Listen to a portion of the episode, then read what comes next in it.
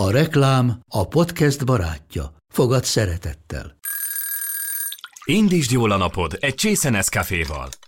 Élvezd minden reggel a gondosan pörkölt kávészemek telt ízvilágát, az Európában 100%-ban felelős forrásból származó kávéból készült Nescafé klasszikkal. Tudj meg többet fenntarthatósági törekvéseinkről a nescafé.hu oldalon. Nescafé. Új lehetőség minden csészében. Ez reklám volt, jó volt.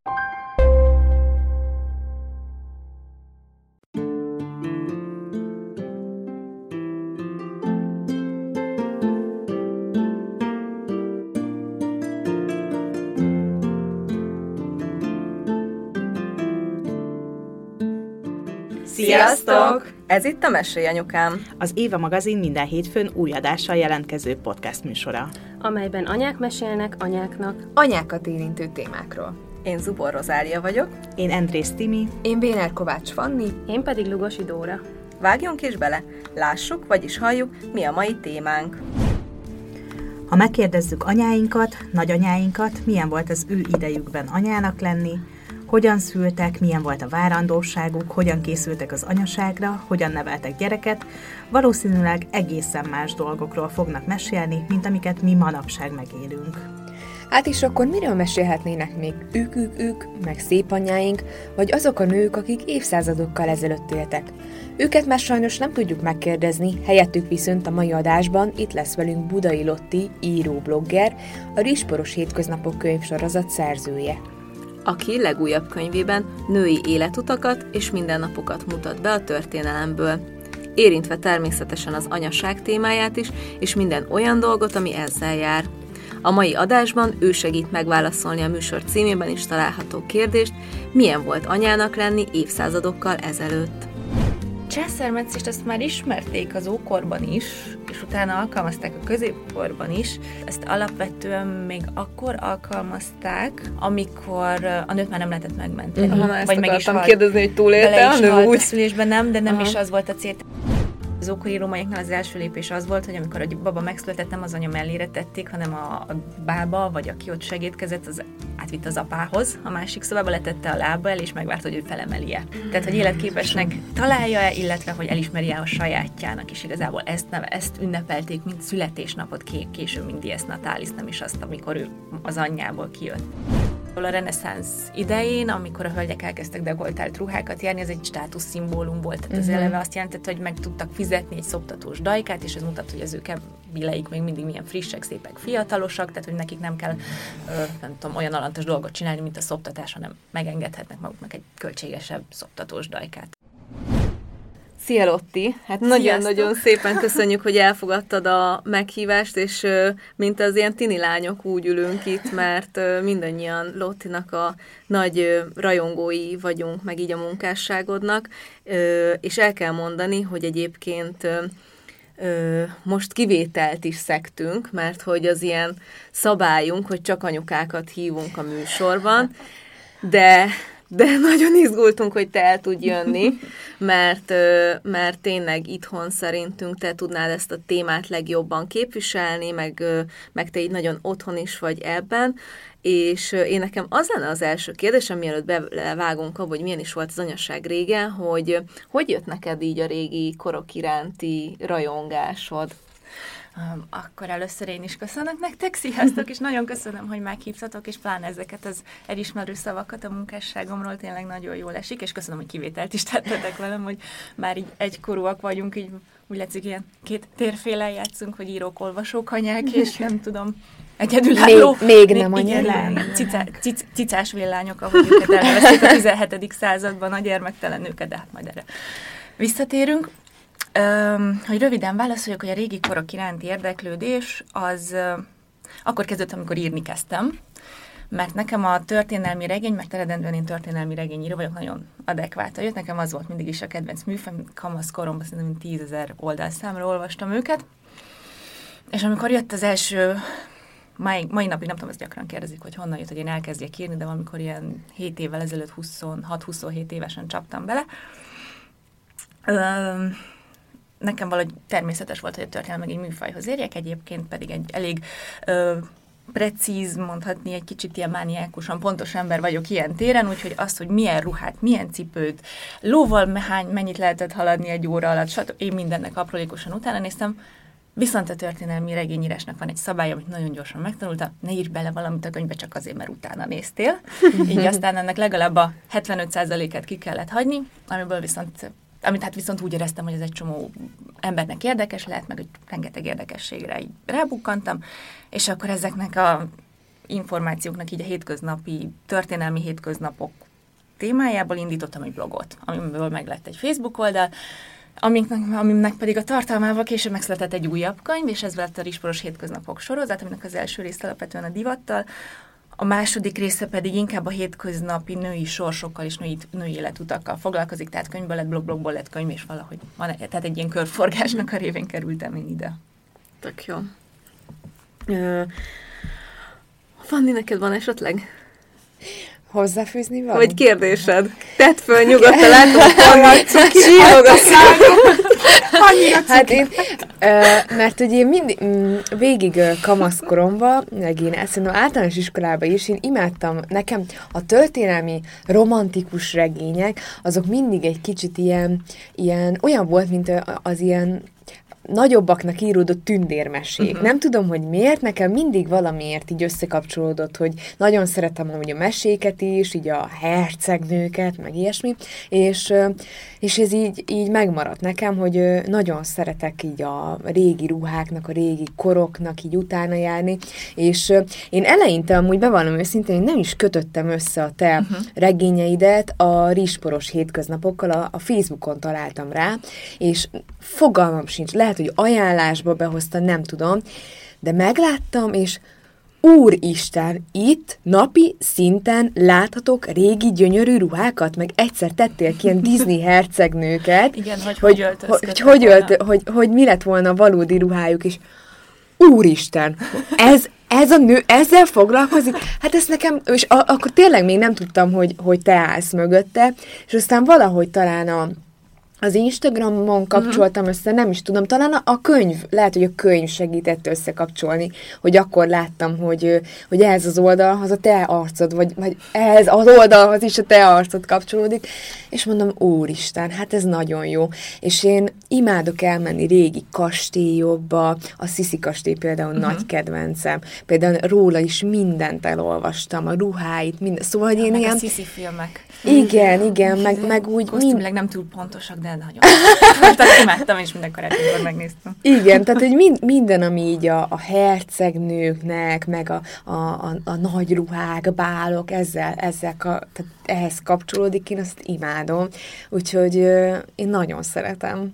Úgyhogy, úgyhogy talán ez látszik, a, hogy, hogy én csak ülök itt, mint egy... Ne, nekem, nekem kimaradtam úgy a, kar, a kamaszkoromban az összes ilyen fangirl állapot, tehát, hogy én nem voltam oda egy ilyen fiúzenekarért se, de hogy most tényleg, ami így a könyvek világa, meg az a régmúlt koroknak a, a felidézése, meg a, a régi szép ruhák, Hát ez most így nálam teljes, teljes kattanás, úgyhogy... Szóval, hogy gyakornokot vagy titkárnokot keresel, akkor kettő már jelentkező van. Igen. Nekem technikai jellegű kérdésem no. lenne, hogy hogy néz ki ez, amikor felkészülsz egy újabb könyvre, vagy egy újabb korra? Beszabadulsz egy levéltárba, egy könyvtárba, és akkor onnan nem, nem jössz ki hónapokig? Hát ez nagyon romantikusan hangzik, hogy valószínűleg ez történt volna egy olyan 10-15, még a évvel ezelőtt is akár, de még csak uh-huh. lehet, hogy csak néhány éve is. Ez most egy kicsit, hogy mondjam, kevésbé prózaibb, tehát ez úgy kezdődik, hogy könyveket rendelek, általában külföldi antikváriumokból, ilyen jó uh-huh. nagy számban, és akkor általában azokból szoktam dolgozni. Hát meg újságcikkekből, és van egy nagyon kedves gyűjteményem, ami igazából már ilyen mondjuk úgy, hogy közkincsnek nyilvánított regényekből álló hatalmas gyűjtem, vagy nem is regényekből, hanem inkább tanulmányokból álló gyűjtemény, amiknek már erre kutyát sem érdekli, hogy nem tudom.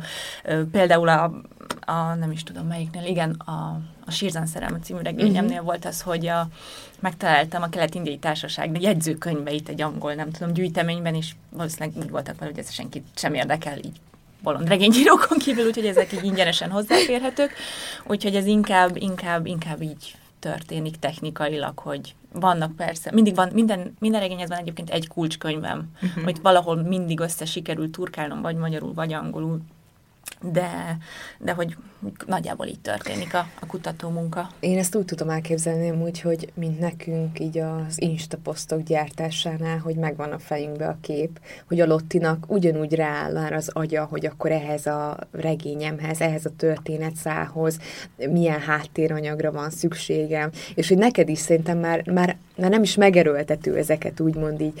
Hát a kutatása gondolom nem mindig egyszerű, vagy nem lehet mindig egyszerű, de hogy az, hogy éppen Kialakul most... egy rutinja uh-huh. ennek. Igen, igen, igen, igen. Igen, igen, igen.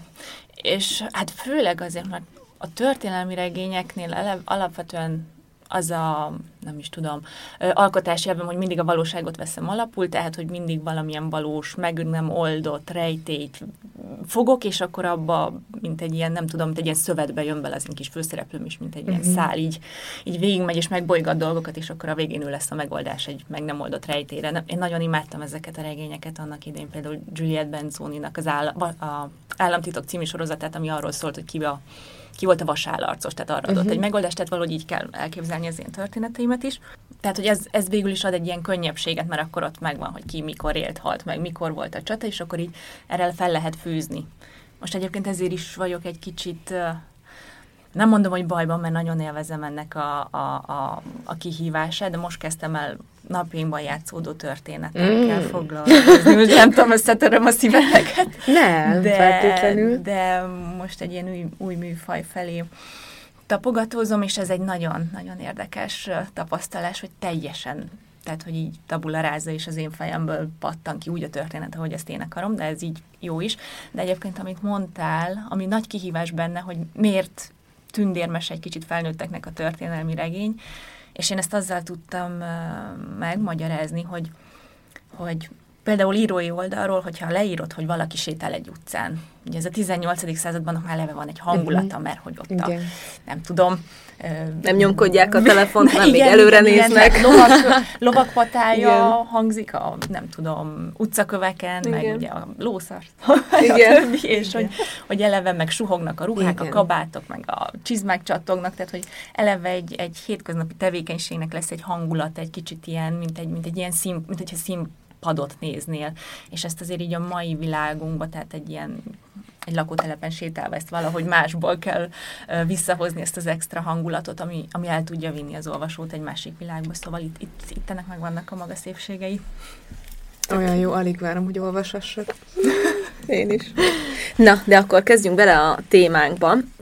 A Lotti összeírta, hogy, hogy milyen érdekességek vannak, meg, meg összeállítottuk, hogy akkor milyen sorrendben haladjunk végig. És, és akkor azt beszéltük meg, hogy már egészen a megtermékenyítéstől mennénk végig a gyereknevelésig. Úgyhogy az első téma, amit fölírtunk rögtön, a női még szerepe. Ami engem nagyon meglepett a jegyzeteidben, hogy, hogy, en, hogy ennek régen milyen szerepe volt. Hát a női méh az egy érdekes dolog, abból a szempontból, hogy alapvetően azt gondolnánk, hogy így a férfiak, vagy úgy a társadalom egyfajta tisztelettel közelíthet hozzá, mint a női termékenység, mondjuk úgy, ez szimbólumához, vagy egyáltalán a fajfenntartás egy elengedhetetlen eszközeként tekintett rá. De most nem teljesen ez a helyzet. A női méh miatt vagyunk például ma mi nők hisztisnek bélyegezve. Ez a hisztis szó, ez egyébként egy rettenetesen Hisztéria. rossz. Igen, tudom, de, de ezt gondolom mindannyiunknak volt már ilyen tapasztalat, hogy épp csak annyit sóhajtasz, hogy rossz napod van, már rohannak borogatni, hogy ja, ma is hisztis vagy, vagy nem. És érdekes, hogy ezt a férfiak, férfiak nem, tehát valahogy nem, ez a férfi hiszti valahogy ez így kimaradt. Nekik vagy rossz napjuk van, vagy nem tudom, más hát valami... Egyszerűen csak máshogy nevezzük szerintem, ez a különbség, pedig hát szerintem ők is tudnak hisztisek lenni. Igen, de ez, hogy a, a nő hisztis, ennek van egy ilyen nagyon mély szociokulturális uh, fogalma, ugyanis a hisztéria szó az görögül méhet jelent. Uh-huh. Vagyis az egész, az oka annak, hogy a nő egyáltalán hisztis és más, mint a férfi, mondjuk úgy, hogy uh, kicsit érzékenyebb, per törékenyebb, per kiszámíthatatlanabb, per beszámíthatatlanabb, per gyerekesebb, tehát amit így alapvetően történelmek rásütöttek a nőre, az a ő méhének a léte miatt van és ezt látom, ezt fel is írtad magadnak, hogy mi is ez a, ez a vándorméh. Igen. Pontosan, ez a vándorméh, ez nem egy ilyen kóborló méhecske, aki méz egy, hanem ez egy elmélet a női méhről, ami körülbelül ilyen, hát ez 1600-as évekig tartotta magát, és még Hippokrates-től ered, és ez arról szól, hogy a női méh az alapvetően nem egy egy helyre szegezett szerv, hanem így vándorol a női testben. És hogyha is két dolog tudja ott lent tartani. A helyen Feministák a- felhördültek elnézést. Ezen a ponton. És az egyik az, az a közösülés, a másik pedig a megtermékelés. Ez még hosszabb időre az ott, ott tartja így a női méhet egy helyben, és hogyha ez nem történik meg, az az egy nő nem jut testi szerelemhez, egy férfi által, vagy nem, ö, nem esik teherbe, akkor ez a méh elindul így a testben, és neki ütközik mindenféle szerveknek, meg betegségeket okoz, meg gőzöket, gázokat, miazmákat szabadít el, és a végén ettől lesz hisztérikus.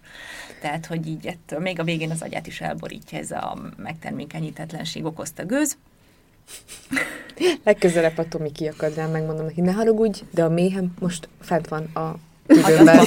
Igen. Egyébként én emlékszem erre, mert hogy a jogi egyetemen volt egy jogi elmélet, három fél éves tantárgyunk, és akkor Platonnak volt egy ilyen tanulmánya, és, Bizony. és abban szerepelt ez először, én ott találkoztam ezzel először, de emlékszem, hogy a pénisz, pénisznek is volt valami hasonló megszemélyesítése. Igen, igen, igen. Jaj, de jó, nagyon jó.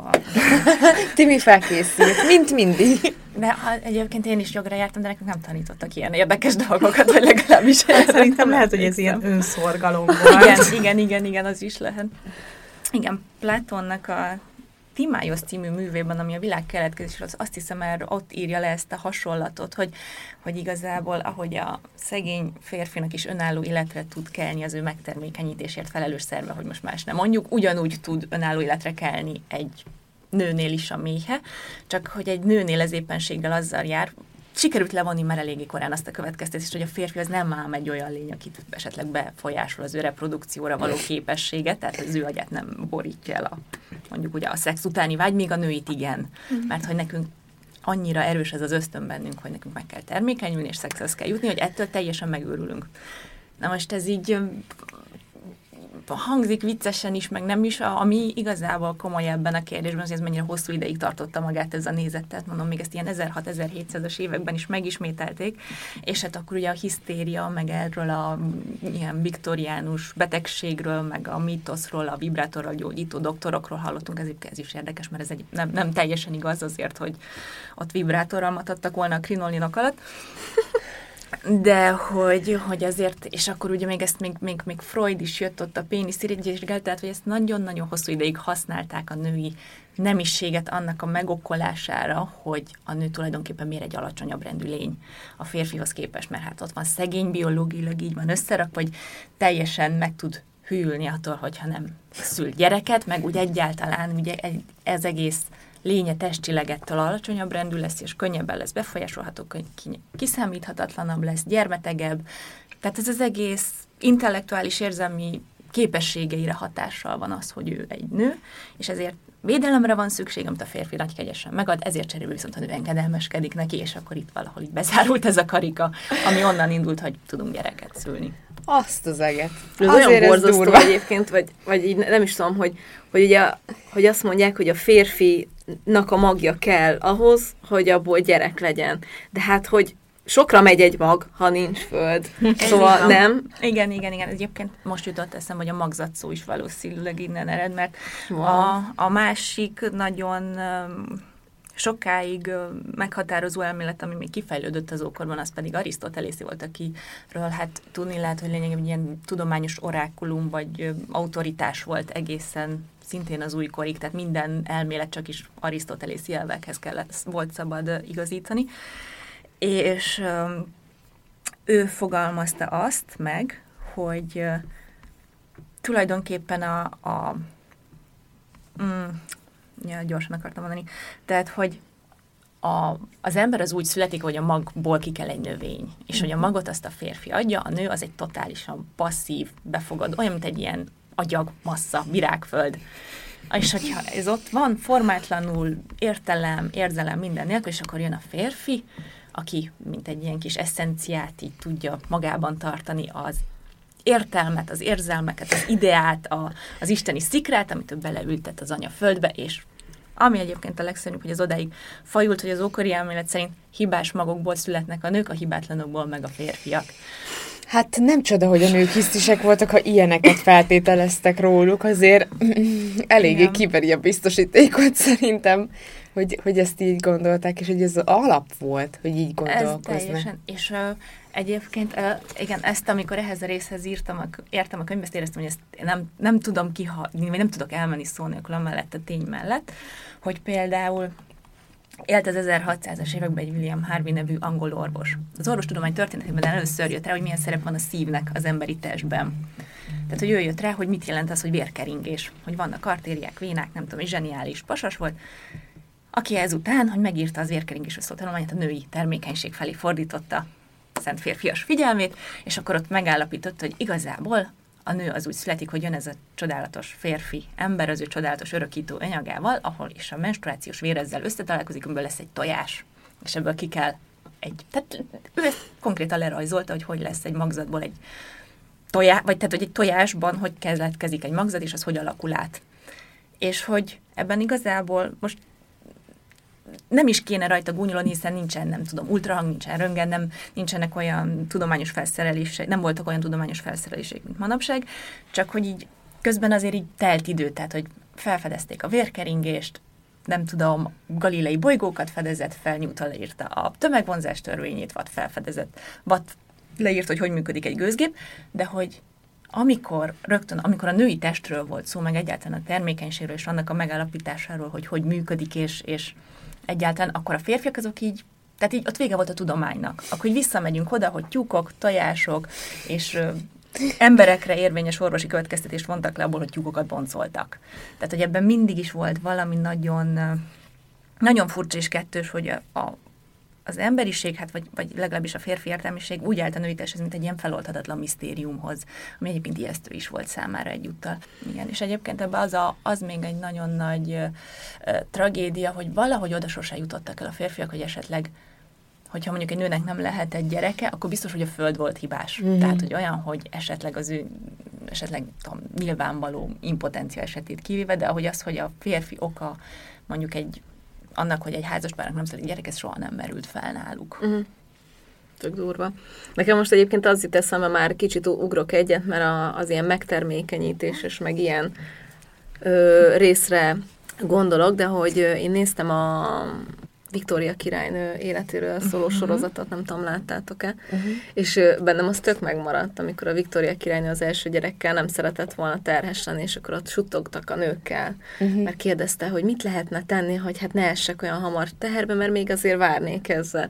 És akkor a férje egyik éjjel arra kelt fel egy együtt lét után, hogy ugrál az ágyon, mert hogy azt mondták neki, hogy ha ugrálni fog az ágyon, akkor nem fog megtermékenyülni. Egyébként ezek ilyen igazak szoktak lenni, hogyha látsz ilyen filmekben? Ö, egyébként igen. Tehát, hogy azért, ami a női praktikákat illeti, azért elég alap, most ezt, ezt nem tudom, hogy ez orvosilag uh-huh. ennek így mennyi értelme, mégis gravitációt uh-huh. segítség, hogy nem hangzik akkor őrültség. Hát igen, hogyha gyertyapóz van, akkor... igen, akkor, akkor van, van ágyonugráló póz is. Igen. Um, de ez egyébként egy nagyon Érdekes kérdés már eleve a, az a fogamzásgátlás, mert tulajdonképpen egészen a kereszténység megjelenésig nem volt olyan név vagy kultúra, ami például megtagadta volna minden elnyomással együtt a nőtől azt a jogot, hogy eldöntse, hogy akar-e teherbe esni, vagy hogy mikor, vagy hogy hány gyereket akar, és eleve egyébként kisebb, maximum két-három gyerekes családokat tartottak ideálisnak már a görögök is. Tehát, hogy ők is próbálták így szabályozni a születésszámot egy családon belül, csak hát, hogy a kereszténységgel mindez eltűnt, és onnantól hát lényegében ilyen szájhagyomány útján, és hát így terjedtek a mhm. praktikák, ahogy, ahogy te is mondtad, így nem tudom, a, a hálószobában sutyorogva, de, de, de alapvetően nagyon elképesztő az a tudásanyag, amire például a bábák így szertettek, meg amilyen, amilyen megfigyeléseket tudtak tenni. Úgyhogy van, van ebben egyébként nyilván olyan is, ami mai szemmel viccesnek hat, meg nevetségesnek, vagy ijesztőnek, de van köztük egyébként orvosleg nagyon is bizonyítható, meg működő nem tudom, fogás vagy módszer. Durva. És akkor abban az időben volt, hogy egy nő, nem tudom, 7-10-szer is terhes volt az élete. Igen. Igen, során. igen, igen, igen. És uh, mondjuk ez is érdekes, hogy alapvetően egy régi családot, tehát nem tudom, 1300, 400, 1600-as évekből úgy képzelünk el, hogy egy nagy család, tehát meg van is ez a kifejezés, hogy régen, amikor még az emberek nagy családban éltek, és azért ez nem teljesen így volt, tehát amit mondtál, ez teljesen így vagy, egy átlag 5, 7, 6, tehát átlagos 6 terhesség, 5 és 7 uh-huh. teherbeeséssel kellett általában uh-huh. számolni. Nehéz ezt ugye ma már így visszakövetkeztetni, de történészek úgy satszolnak, hogy egy nő átlagosan két-két és fél évente esett teherbe, és hát viszont nagyon magas volt a gyermekhalandóság. A gyerek, azt hiszem, az újszülöttek negyede halt meg első éves, egy éves kor előtt, és még gyermek vagy serdülő korában a másik negyedük, tehát ebből a hat gyerekből maximum három mm. nevelkedett fel, aztán felnőtt koráig a családban, tehát alapvetően egy kisebb családi egységet kell elképzelnünk egészen így a 17-18. századig, tehát ez, ez volt így a normális, és egyébként utána jött egy ilyen fordulópont, amikor egy kicsit már javult Európában a, nem is tudom, a, a hogy fogalmazunk, a, a higiénis ismereteknek úgy, úgy, alap, úgy kezdtek egy kicsit visszajönni azokat, amiket mondjuk elfelejtettünk így a római idők óta. Egy kicsit javult a élelmiszerelosztási lánc így Európán belül, tehát egy kicsikét jobbak lettek az életkörülmények, és ez viszont ami a nők nem is tudom, halálozási aránya nem, statisztikai nem javított, tehát ugyanannyian haltak be, viszont több gyerek maradt életben mm. egy családban, és onnantól kezdett 4-5-6 gyerek lenni, a, születni egy-egy családban egészen a 19. század végéig megmaradt ez a tendencia, amikor újra elkezdett csökkenni legalábbis a, a mondjuk úgy munkásosztály körében, mert ugye nemesi családokban még mindig nagyon sok ö, gyereket szültek, de hogy a, alapvetően ezt a ez is egy nagyon érdekes, hogy, hogy így vannak ilyen nem is tudom, fordulataink, hogy bezzeg régen, meg hogy hmm. bezzeg, amikor még fiatalon házasodtak a nők, ez sem teljesen igaz, és hogy minden nő férjhez ment, ez sem volt igaz, és hogy nagy családokban éltek, ez is egy, egy mítosz igazából. Az én nagymamámnak is hat testvére volt, heten voltak testvérek, és még volt olyan testvére, aki gyermekként elhunyt. Uh-huh. Ez a hét, az így felnőttként hét, úgyhogy uh-huh. ők is nagyon nagy családban éltek. És mennyire tartották számon a ciklusaikat, az, hogy az, hogy, vagy, vagy kíváncsi lennék arra, hogy honnan tudták, hogy terhesek, tehát hogy tudták, hogy, hogy van olyan, hogy ciklus, hogy a ciklus közepén van ez a peteérés, amikor, amikor a megtermékenyítési időszak van? Um, szegény Arisztotelész, ő az egyik, akiben annyiszor belerugok ebbe a könyvbe, nem igaz, de ő például úgy tartott, hogy ugye a nőknek, meg a női léleknek így a holdhoz való kapcsolata az így kulturálisan így nagyon mélyen gyökerezik a, az emberiségben, és van is tudom én azért valamennyire hiszek az asztrológiában, úgyhogy gondolom is, hogy van ebben valami, de hát Arisztotelész pedig olyan szorosan kötötte ezt össze, hogy ő azt mondta, hogy igazából minden nő egyszerre menstruál, mert hogy mindenkinek a ciklusa az a holdhoz igazodik. Valószínűleg egyet se kérdezett meg róla, hogy így neki mikor van, meg, meg mikor nincs. De hát azért ezt illetően, tehát magáról ugye a megtermékenyítésről, hogy mikor történik meg, így azt valamikor, azt hiszem, Oscar, egy Oscar Hertwig nevű zoológus állapította meg 1833-ban, ki tengeri sünöknek a megtermékenyítési pillanatát figyelte meg egy mikroszkópon keresztül, tehát hogy addig, hogy pontosan ez hogy történik, nem tudtuk. Egyre inkább amúgy örülök annak, hogy én most itt ebben a 2020-as évben lehetek édesanya is nő, mert hogyha az én meg, tehát az én várandóságomat, vagy azt, hogy én mikor esek teherbe, egy sünéhez hasonlítják, vagy bemennék egy nőgyógyászhoz, és azt mondaná, hogy itt ez a sűn, ő három napja menstruált, és x nap múlva lesz termékeny, így tegyen ön is, ja. menjen haza a férjéhez, figyelje ezt a sűnt, és Aztán így... Aztán vigyázzon, hogy nehogy terméketlen talaj legyen magából. Igen, hát lehet, hogy amúgy kiakadnék egy kicsit. Igen, ezt meg elolvasod majd a könyvben, akkor még jobban fogsz örülni neki, hogy már vagy anya, mert nagyon, nagyon nagy szerencsénk, vagy szerencsétek van ezzel legalábbis így összehasonlítva még ahhoz képest, ami egy ilyen 70-80 éve is volt, vagy amit így gondoltak az anyaságról. A bocsánat, a, a sünök. Ja, sem, igen, a sünök. Közben vágtam, csak nem tudtam elmenni a sünök mellett szó nélkül. Tehát, hogy a, a női ciklus, mint magát, azt is önmagában elég sokáig ö, ö, homály fette, mivel egyébként ez is nagyon érdekes, hogy azért az emberiség olyan 200 ezer éves történelméből egy olyan 190 ezer évig nem is tudták pontosan, hogy a szexnek és a gyerek fogamzásának vagy születésének van köze egymáshoz.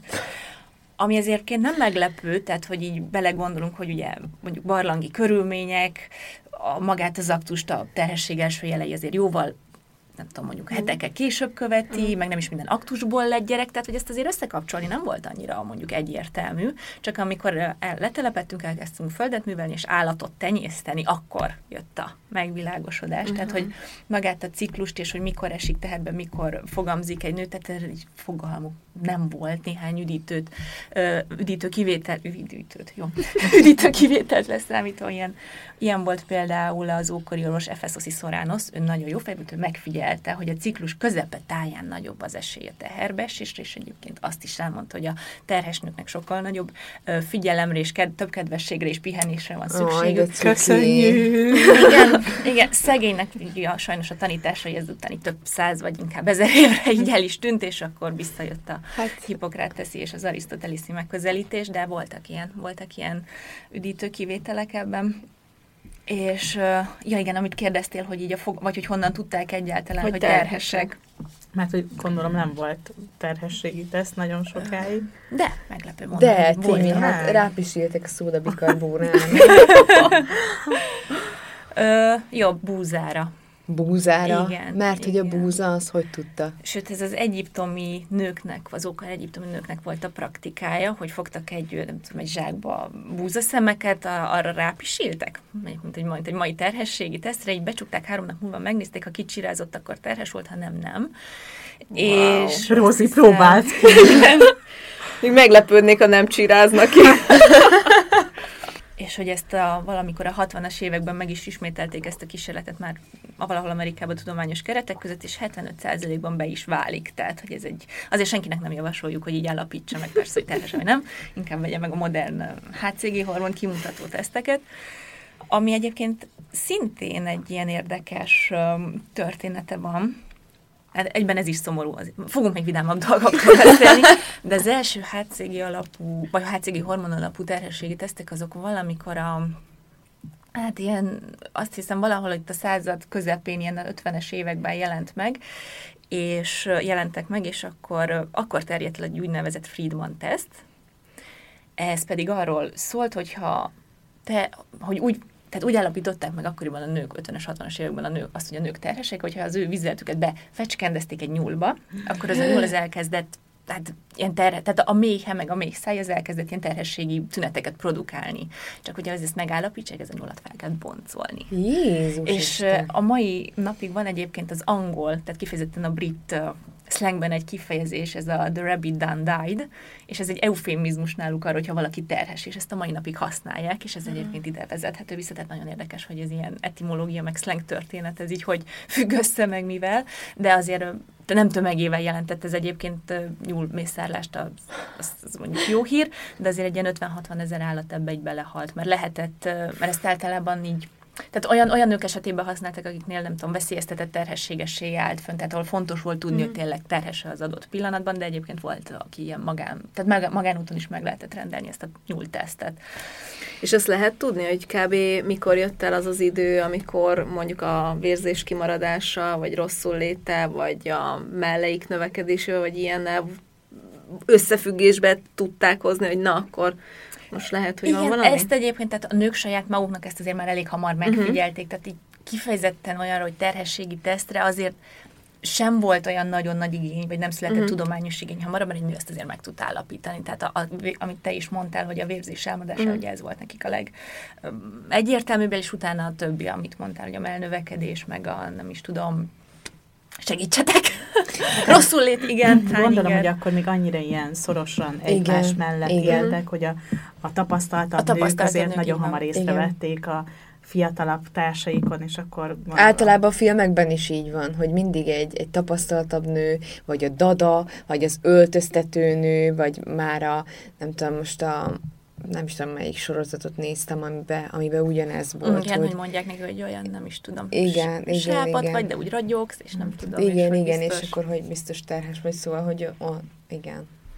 Hát a nők már akkor is okosabbak voltak józan paraszti észre, mint Arisztotelész.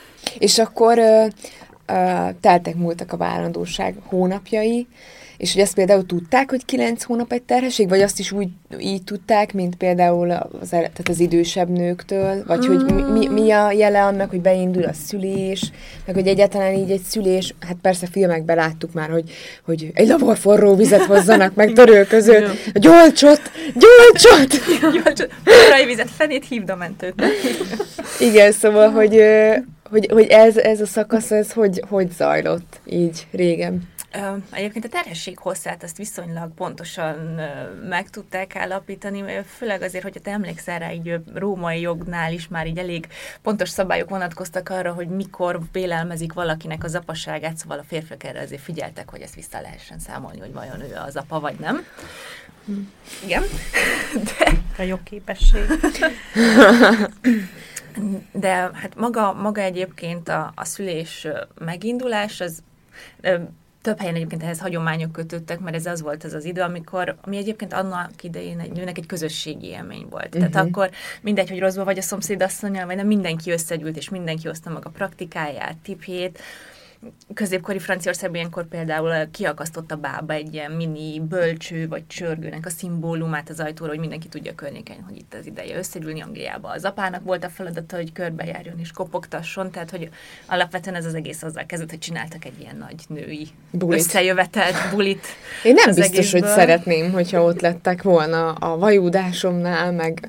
Nem, szerintem lehet abból er- erőt Erő, aha, persze, biztosan, de hogy így most nálunk például így így a Zsombor születésén felvetődött, hogy, hogy szeretnék-e fotóst a szülésre, és hogy így nagyon szerettem volna, de hogy így végig gondoltam, hogy nekem nincs erőm ahhoz, hogy, tehát hogy tudom, hogy arra koncentráltam volna, hogy én jó arcot vágjak ahhoz, hogy ott Azért egy fotós... a fotós az egy kívülálló dolog, de mondjuk mint itt van Dórink, ugye ő dúla, és akkor erről egy csomót mesélt nekünk a múltkor, az, hogy mondjuk masszírozza a hátadat órákon keresztül, vagy nem tudom, borogasson, uh-huh. ez szerintem adhat erőt valakinek. Uh-huh.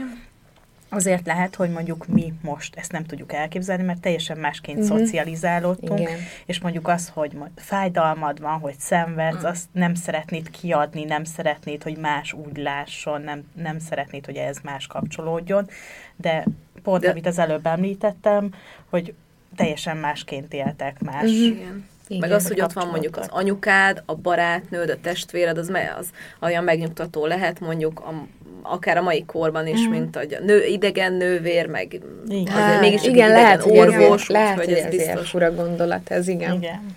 Igen, és az érdekes, hogy ez a, ez a maga az az otthon szülés, kórházban szülés is, hát nem tudom, én nekem ebben, mond, ahogy említettük, nincsen tapasztalatom, de egyébként kórházban szülni, az, az valahol egy elég nagy trauma lehet. Vagy nem tudom, tehát én ezt tényleg úgy képzelem el, hogy a erős fények, emberek, mm. akik járnak körülöttünk, nem mondják meg, mi történik, nem tudod, tehát valahol ehhez képest lehet, hogy tényleg emberségesebb arca tud lenni, amikor ismerős arcok, nem mm. tudom, tudom szívem, nekem is ez volt, nem tudom, mm. elmondják, amikor velem ez történt, és hogy ebben van valamilyen melegebb hangulata meg egyáltalán a kórház ilyen szem, a hála az égnek, hogy van egyébként, mert nyilván sokkal biztonságosabb, mint az anyára, meg a, meg a kicsire nézve is, nyilván, hogy ennek lehet, biztos vannak ebben azért olyan dolgok, amiket lehetne javítani, megfejleszteni, de hogy igazából a kórház az egy szükségszerűség hívta életre, tehát magát, vagy a szülészeti osztályokat, mert amikor elkezdődött a városiasodás folyamata, és egyre többen gyűltek össze a, a városban, tehát ilyen kis lakásokban ezeket már nem lehetett mm. megcsinálni, ezeket a nagy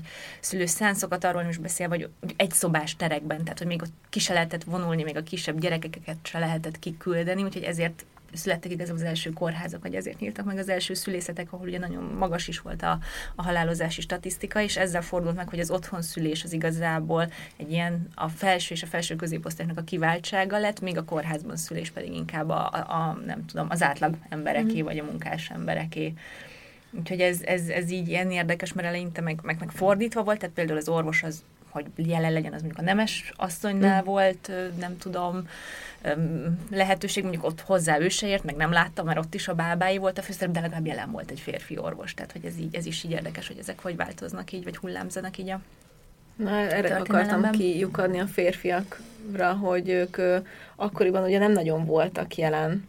Ö, szóba se került, vagy így, ez, ez, ez hogy változott? Az apárszülés. Igen, az apárszülés. Hát... Um, azért mondjuk például a középkori Európában azok a férfiak, akik gyógyításhoz értettek, azért elég nagy számban voltak például egyházi emberek. Tehát, hogy náluk szóba se jöhetett, hogy oda kerüljenek egy szülésnek a, a közelébe.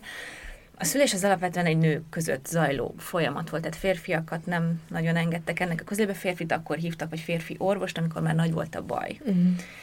És ma később csak igazából csak akkor kezdett maga a szülészet, meg a nőgyógyászat egy ilyen önálló um, tudom, orvosi hivatással lenni, amikor magának az orvosi szakmának is nagyobb lett az elismertség, egy egyre több férfi döntött úgy, hogy elmegy orvoslást tanulni, és ezzel együtt viszont a bábákat kiszorították. Tehát a bába szakmája viszont nagyon, hogy mondjam, degradálódott.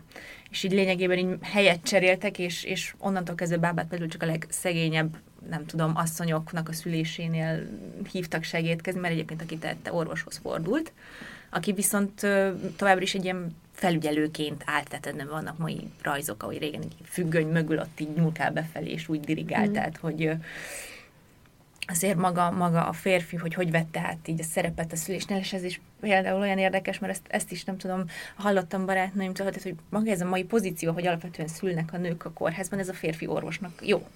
Mert Igen, ő így kényelmes. lát, neki így esik kézre.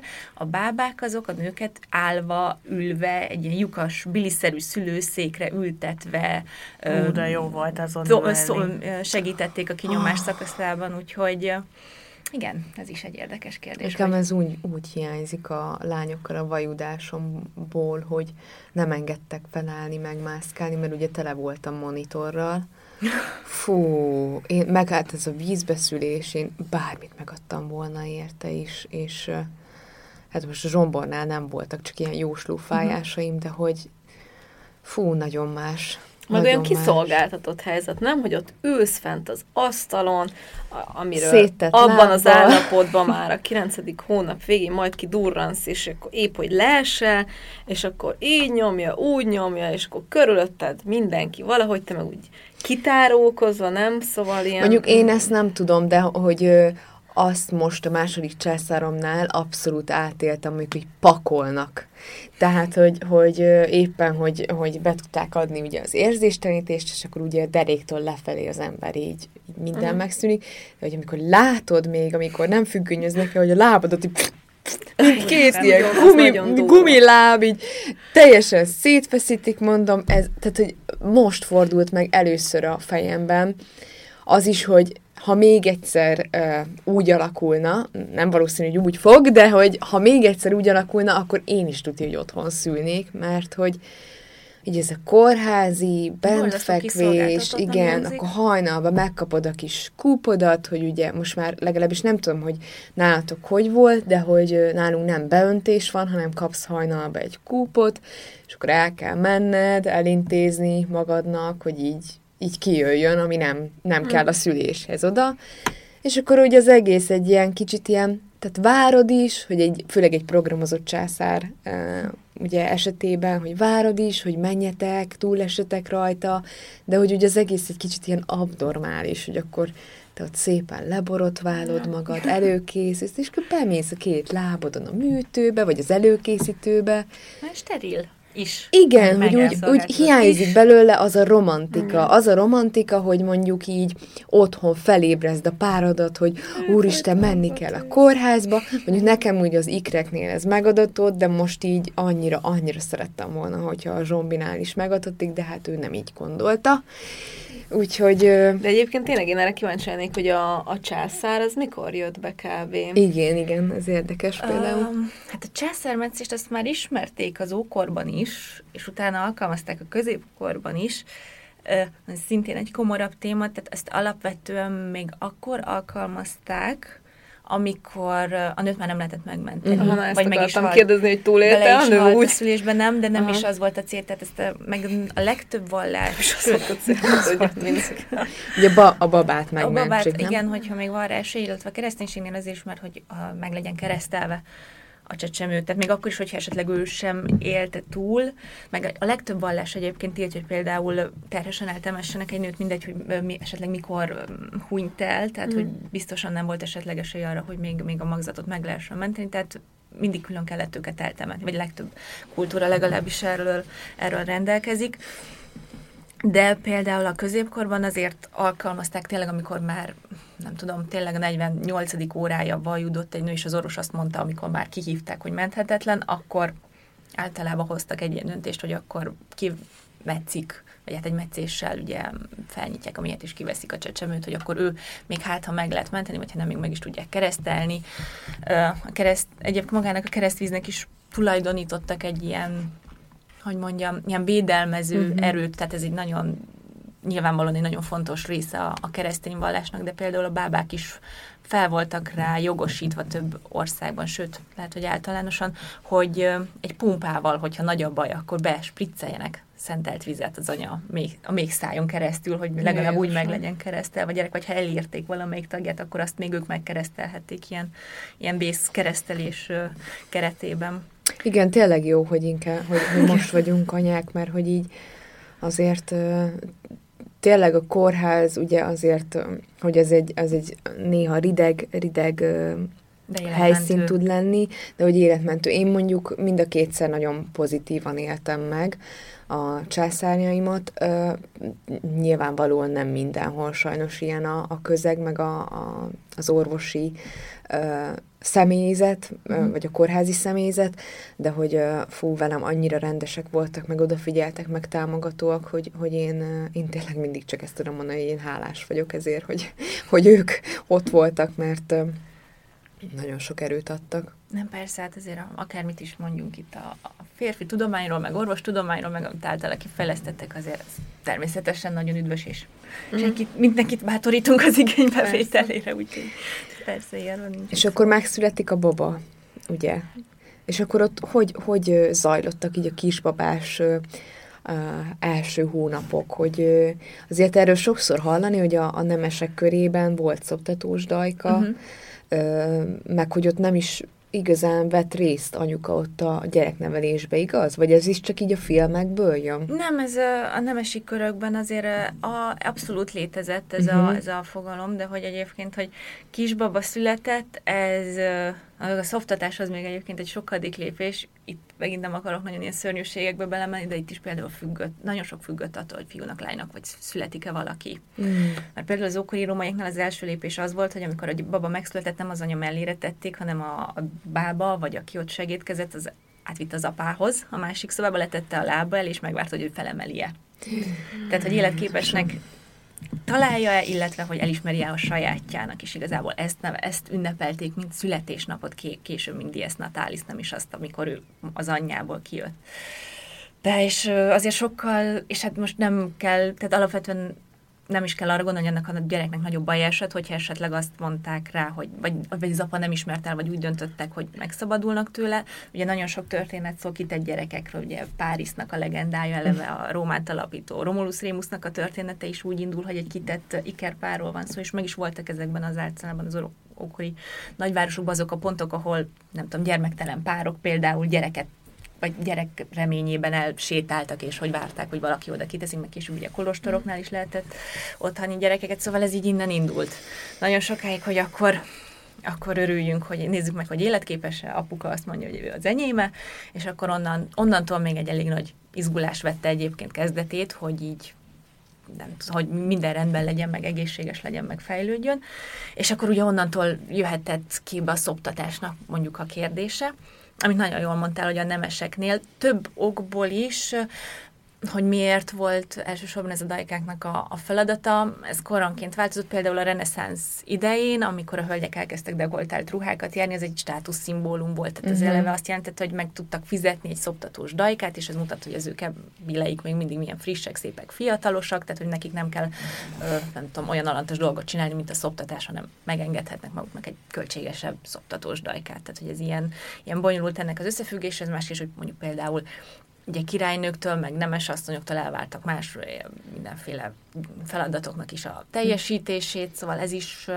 öm, közrejátszhatott, de az tény, hogy voltak például idők, amikor ez a, a szoptatós dajka, mint, mint nem tudom, divat lett. Tehát, hogy így például 1780 felé csináltak egy ilyen nagyobb mondjuk ilyen mai szakifejezés, igazából közvéleménykutatásnak is lehetne nevezni ezt Párizsban, ahol végül arra jutottak, hogy 21 ezer nőből mindössze ezer nő szoptatta maga a gyerekét.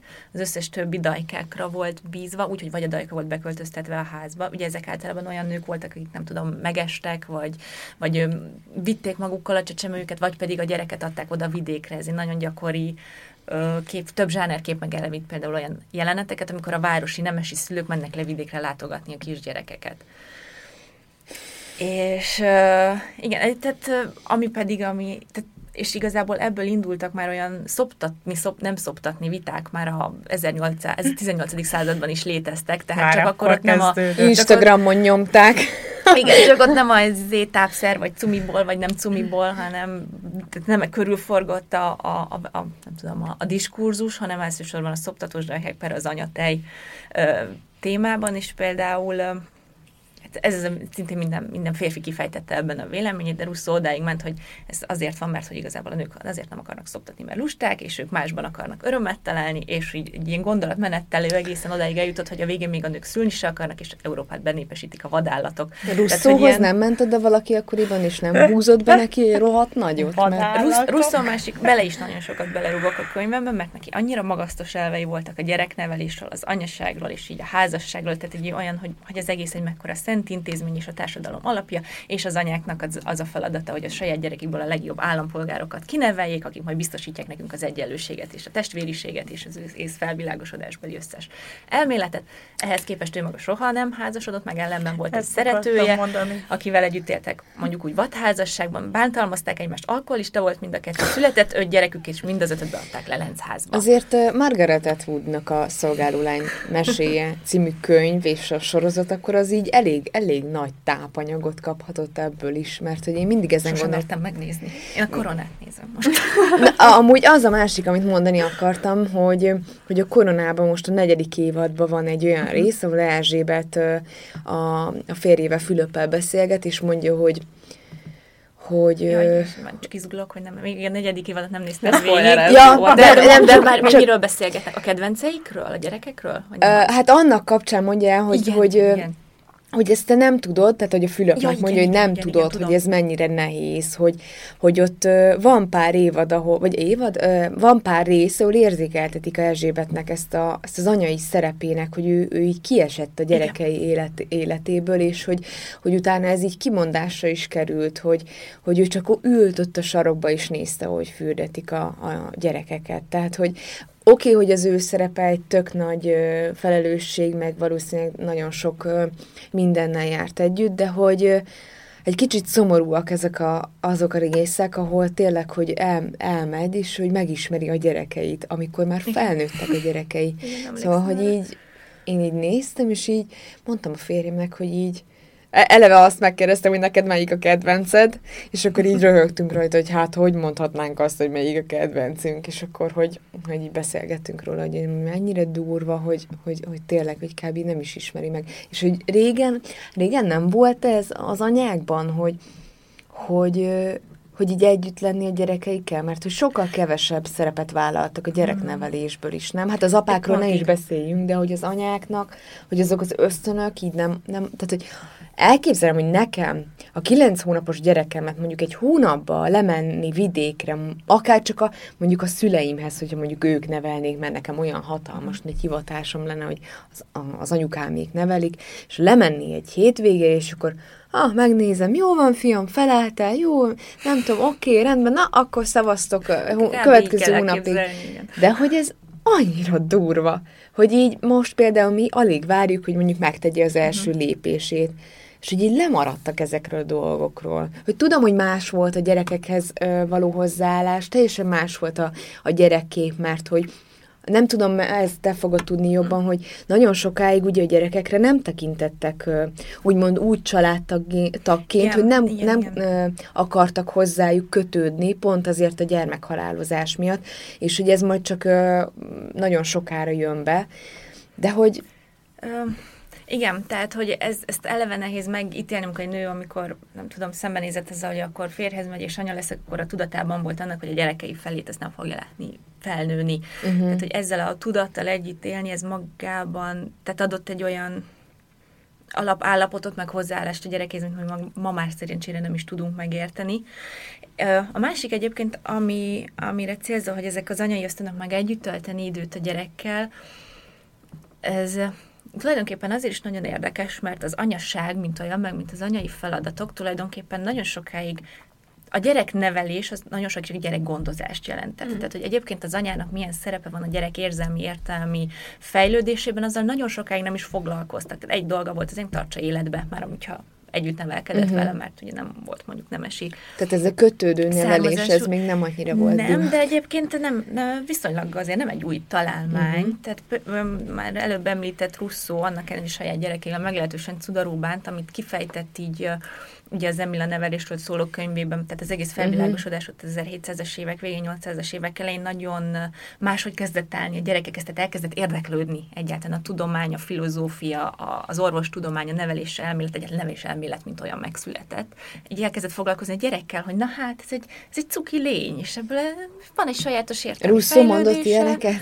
Jó tudni, hogy igen, képes igen, volt a fejlődés. A, igen, a, tehát a gyerekek nevelés legyünk pontosabbak, bocsánat, a fiúgyerekek nevelését, illetve nagyon-nagyon alapos, és egyébként viszonylag még akár ma is, ma is vannak olyan megalapítások, amik egyébként nem is tudom, valakinek hallottam, és ez nem is Russzó volt, hanem Lack, aki szintén sokat fej, tehát sok mindent írt a gyereknevelés témában, és egy nagyon nagy előrelépés volt, amikor ő például kifejtette, hogy a gyereket mondjuk, amikor jól viselkedik, akkor szeretettel kell jutalmazni, meg rosszul, akkor mondjuk szeretet megvonással büntetni, ami borzalmasan hangzik egyébként, tehát hogy szörnyű, de hogy ide eljutni attól, mint hogy egyébként folyamatosan verni, mert hogy majd attól lesz jó, ez egy nagyon nagy előrelépés volt. Tehát, hogy ilyenekkel elkezdtek törődni, meg foglalkozni, ez egy nagyon nagy dolog. Az más kérdés, hogy nagyon-nagyon kevés kivétellel, de ez tényleg mind a fiúgyerekeknek a nevelésére koncentrálódott. Tehát, hogy a, az ebből említett russzói alap, nevelési alap, amiben az Emil a nevelésről ben, Emilnek van egy párja, egyébként egy Zsófia, akinek hát le van írva szintén ebben a műben, hogy az ő nevelésének a célja, hogy ő majd egyszer, amikor felnőtt essen a férfinak. Tehát, hogy hm. minél, és hogy majd aztán meg minél jobb anya legyen. De tulajdonképpen azért ez az a kor, amikor a nő szerepét, tehát a, egyáltalán a nő oktatásnak, meg a nők egyáltalán a nőkkel, mint emberi lényel elkezdtek azért foglalkozni, majd egy nap jobb anyák legyenek, és majd jobb embereket tudjanak nevelni a saját gyerekekből, ami egyébként a maga nemében szintén egy előrelépés volt így egyáltalán a nőnevelés szempontjából. És akkor indult el az anyaságnak, mint olyannak egy olyan fajta elismerése, ahol az anya, mint nevelő is jelen van, és onnantól kezdve arra buzdították az anyákat, hogy szoptassák maguk a gyerekeiket, mint ahogy ezt Russzó is kifejtette, ennek is egy oka, hogy, hogy, hogy a kötődés minél hamarabb meglegyen az anya meg a gyerek között, és hogy onnantól minden, minden ilyen nevelési tanácsadó, minden elmélet, minden orvos, minden filozófus azt mondta, hogy az anya töltsön minél több időt a gyerekével, tehát ez a, a törődő, kötődő anya, anyai nevelés, ez azért már így a, még a viktoriánus idők előtt megjelent, tehát ez már ilyen 1800-as években már írtak erről elég öm, nagy számú könyvet, és egyébként ez is lett az elvárás, hogy egy anya törődjön minél, legyen minél több időt a gyerekével, és ez még a, tehát tulajdonképpen a nemesi körökben is, még akkor is, hogyha egy ilyen korona vagy Downton Abbey-szerű sorozatból mm. visszaköszönöm, ez csak azt jelenti, hogy te időben bevezetik a jól fésült kisherceget, vagy ilyesmi. De a maguk keretei között tulajdonképpen a nemes nők, a nemes anyák is nagyon sokat törődtek a gyerekükkel, tehát az ő részükről például ez, ez is annak számított, hogyha sok időt töltöttek a dajka kiválasztásával, a nevelők kiválasztásával, a nevelőknek a munkáját felügyelni, tehát sokféle kifejezése volt az ő törődésüknek. A lényeg az, hogy ez a törődés ez már elvárás volt. Uh-huh. És ez már elég hamar megjelent, tehát azért már beszélünk egy ilyen 150-200 éves tehát tudom, amikor keretről. Timi úgy érzi, hogy mondjuk egy hosszú nap végén nem játszik végig nyolcféle játékot a gyerekeivel, Igen. akkor majd fogom emlékeztetni, hogy azért a múlt időkben az sokkal durvább volt, tehát az, hogy kiválasztottad az óvodát, már az is egy nagy szó. van. Szóval és alaposan, és nem csak felkötötted amikor, a gyereket a gerendára a. Amikor emiatt, emiatt valaki rosszul érzi magát, hogy hú, most mondjuk a munka mellett, vagy, vagy nem tudom, beteg vagyok, és nem jut úgy időm a gyerekeimre, akkor lehet ezt mondani, hogy... Igen. De ez nagyon durva, hogy, hogy ehhez 1800 év igen. kellett, igen, szóval, igen, igen, hogy igen. így hogy egyáltalán, vagy hogy a gyerekről, mint, mint, mint lényről, vagy mint, mint valakinek, akit törődésre, meg saját lelki fejlődésről elkezdjenek gondolkozni, ez, ez nagyon-nagyon nagy idő. És akkor az jutott eszembe, hogy ilyenkor köszönheted be a szülés utáni depresszió. De szerintem azzal eddig nem találkoztak, hiszen és hát megszülték a gyereket, kipihenték, Mentek és akkor vissza, élték igen, ugyanazt az életet. Hát menni kellett vissza a földre, vagy a műhelybe, ja. ne, ne halljanak, igen. És én egyébként ezért, amikor írtam a könyvet, elgondolkoztam, és, és talán bele is írtam, hogy a legnehezebb anyának lenni valahol ott 1800 és 1890 között lehetett a legnehezebb. Sőt, nem is 1850, hanem is a 20. század eleje között. Mert addigra ért el kb. A, mondjuk így a csúcsot a gyerekek száma, és akkor most beszéljünk tényleg egy átlagos, akár egy hivatalnok feleségről, vagy éppen egy munkásnőről, de ilyen szempontból ez majdnem, hogy akkor még így mindegy volt, de hogy ott van egy nagyon nagy számú gyerek, ott van az egész társadalmi elvárás, hogy te ezekkel a gyerekekkel minél többet legyél, tehát hogy... Egyébként még... arra gondoltam, bocsánat, hogy közbeszólok, hogy lehet, hogy előző életemben valamikor ott élhettem, mert amiket így mondasz, én ezt a saját lelki világomon, ezt nap mint nap tapasztalom, hogy én ilyenekkel vívódom, meg nekem ilyen le- lelki nehézségeim vannak az anyaságomban, úgyhogy ezt lehet, hogy hozom egy előző életből. Mármint azt, hogy ezt a nyomást, vagy melyikre gondolsz? Hát, a lelki Arra gondolok, hogy annyira maximalista vagyok így a, a gyerekeimmel kapcsolatban, és hogy csak neki, és hogy, hogy a saját igényeimet, a saját vágyaimat. És legyen esetleg bűntudatod, hogyha igen, meg azzal igen, foglalkozol. Igen, igen, igen, igen. Igen, hát ezt egy barátnői körökből ezt így szoktam, szoktam, hát akkor mindig én vagyok az, aki azt mondja, hogy figyelj, de, de foglalkozz magaddal, könyörgöm, mert te úgy tudsz jó anya lenni ennek a gyereknek, nem úgyhogy kiégsz és idegbeteg, vagy nem fog veled menni semmire. Ez borzasztó nézés, egyébként nem csodálom, hogy vagy előző életből hozod, vagy Jungnak van igaza, és itt van egy női kollektív tudattalan, Tudat. amiben bele van pakolva már évszázadok óta, hogy mikor vagy jó anya, és mikor nem, és ezt általában férfiak mondták meg nekünk. De és amit mondtál, most ezt a kort, amiről beszélünk, ráadásul akkor van az, hogy nem csak egyre többet foglalkozz a gyerekeddel, de jó háziasszony legyél, jó feleség legyél, csinos legyél otthon, és akkor lassan tehát elkezdenek dolgozni is a nők, így van, igen, tehát, hogy ez egy elég komplex folyamat, tehát hogy itt ugye azért már elvárnak társadalmi osztályok, és mindenkinek mm. meg lesz a maga nehéz sorsa, tehát azért mondjuk nem tudom, vegyünk, vegyünk Angliát, 1870, egy hivatalnok, feleség, otthon a négy gyerek, és akkor az ő idejére megfogalmazott egy olyan elvár, tehát egy olyan komplex elvárásrendszer a nővel szemben, amiben ma, ma is belehalnánk. Tehát, hogy minden napszakra vegye fel a megfelelő ruhát, ami azt hinnénk, hogy luxus, de nem akarnánk, hogy a komorna naponta hétszer a átöltöztessen. Lebifizett felsőmet át tudom venni Igen. pár órán belül. Igen, és akkor jöttek az olyan, nem tudom, házassági kézikönyvek, meg ezek a hölgynevelési ja. etiket, és akkor, ami bele volt írva, hogy hát kedves menyasz, vagy a kedves ifjú feleség csodálkozzon, hogyha majd elhatják, hogyha nem a legszebb ruhájába várja otthon a tökéletesen rendbe rakott lakásban majd este a férj, és hogy a gyerekek meg rosszalkodnak, és hogy egyáltalán, és hogy ilyet nem szabad. Szóval, hogy, hogy akkorira egyáltalán az lett a nő feladata, hogy egy patinás, gyönyörű otthon biztosítson a férfinak, aki ha hazajön, ne kérdezősködjön, lehetőleg ne is faggassa, ne bosszantsa, a gyerekekről tegyen, hogy azok csendben legyenek, és így, így, így ennyi. De hogy ennek olyan... tegnap. Amikor Tomi dolgozott, és én próbáltam a három gyereket otthon csendbe tartani, miközben megfőzem az ebédet. Igen, ezt most home office alatt ezt sok, sok nő újraélhette ezt, a, igen, ezt, ezt az elvárásrendet. És akkor pedig ott voltak azok, akik pedig nem engedhették meg magunknak, hogy a most tekint, persze még ekkor is nagyon nagy számban függtek az emberek a földtől, meg sokan dolgoztak földművesként, de ugye egyre többen éltek városban, egyre többen dolgoztak gyárakban, és nők is, mert mondjuk így körülbelül keresték a harmadát mondjuk egy férfinak, azért a legtöbb, a, tehát egy munkás család nem tudta eltartani magát csak a férfi keresetéből egészen így a 20. század elejéig, 20-as, 30-as évek, tehát a nőnek is mindenképpen dolgoznia kellett, tehát akkor még ehhez az elvárás rendhez most teljesen most mindegy, hogy egy munkás lakásról van ez szó, vagy nem, mert egyébként maga ez az ide, hogy legyen valaki tökéletes háziasszony, és legyen tökéletes pedantéria otthon, ez még, még egy, egyébként egy munkás családnál is megvolt. Tehát, hogy képzeljünk el egy olyan nőt, aki ebbe szocializálódik, hogy legyen tökéletes anya, legyen tökéletes feleség, és még le 20-12 órát ha valahol egy szövetgyárban, vagy egy műhelyben, ahol művirágokat ragaszgat egy kalapra, mert különben a család éhen hal. Szóval ez, ez, ezért mondom azt, hogy a 19. század második felében anyának, nőnek lenni, ne, ne, ne válasszuk, bármilyen csinosak is a ruhák.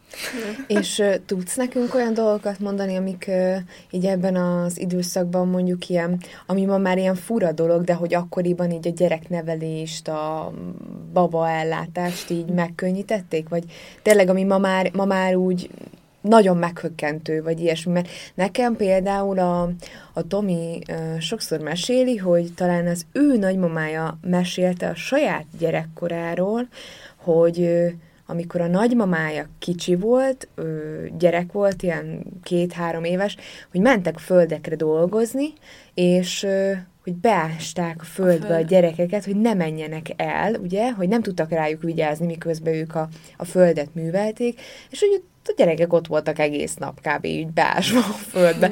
Nem tudom, hogy, hogy ez a nagy, tehát nem vagyok benne biztos, hogy a nagymamájánál, vagy a nagymamájának az anyukájánál. egyébként, nem akarok butaságni, de vagy így és Gyulától, vagy valakitől még egyébként, úgyhogy simán lehet. És az is erről szólt, hogy amikor nem tudom, valaki ment vidékre, és ott megdöbbent, hogy miért vannak beásva derékig a gyerekek, úgyhogy nagyon mhm. valószínű, uh-huh. hogy tényleg lehetett ilyen emléke.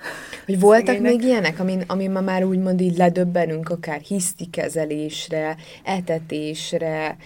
Hát, Például, bocsánat, most láttam egy olyan képet, hogy a, a a szabad levegőn, tehát hogy a, a New Yorkban, vagy nem tudom hol, hogy ahol ilyen hatalmas, magas házak voltak, hogy a, a gyerekeknek a levegőztetése úgy volt megoldva, hogy kitettek egy ilyen ketrecet az ablakba, egy kilógattak, Igen. és így a gyerek konkrétan ott a semmiben, ott lebegett ebbe a ketrecbe, és úgy levegőztették a gyereket, hogy vol, voltak ilyenek? Igen, vagy? igen, ez, ez Amerikában volt nagy divat, ez már 30-as, 40-es években, amikor az orvosok elkezdték írni a friss levegő fontosságáról egy Igen. gyereknél, csak hát ezt, hogy oldják meg egy nagyvárosba, és egy ilyen tényleg egy ketrec ráakasztva az ablakra. Igen, igen hogy van is egy ilyen kép. Igen. Megkeressük igen, a igen. Facebook csoportba. Igen, igen, van, van, van több is egyébként abból az időből, azok, azokat is róla akartam írni a könyvbe, csak már nagyon messzire mentünk volna.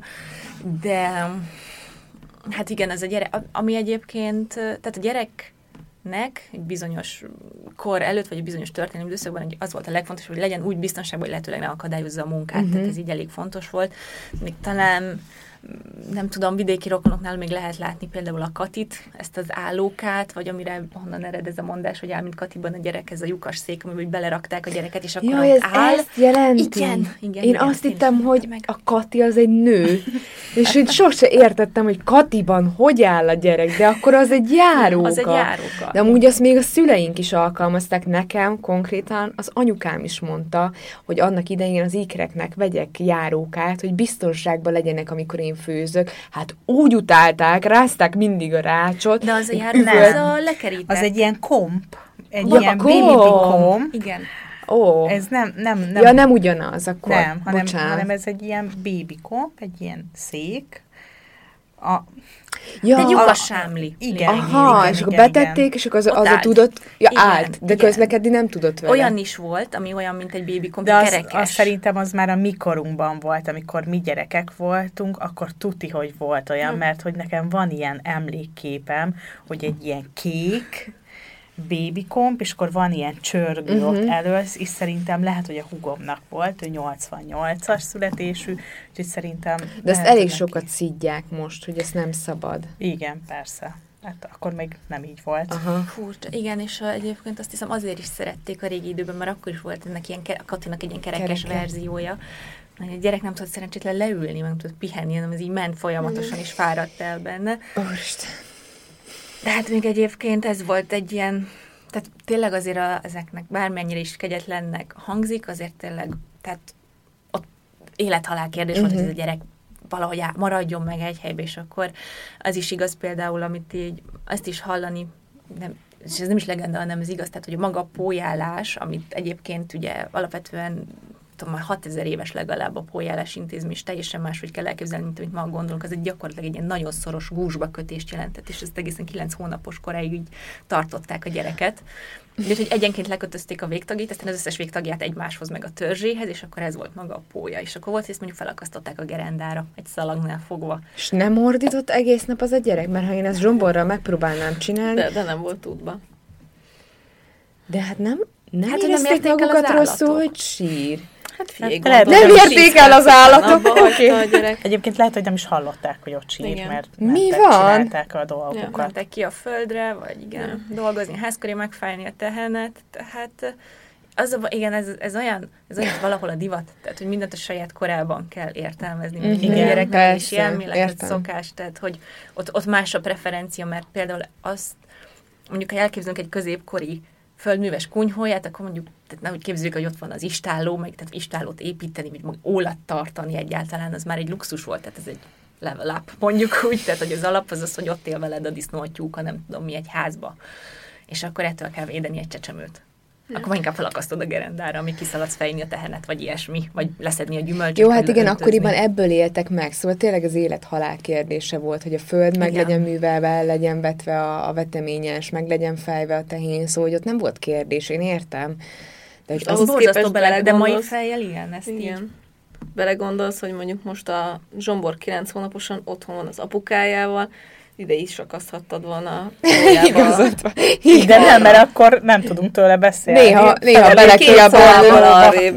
hogy baba, ja. gaga, gaga.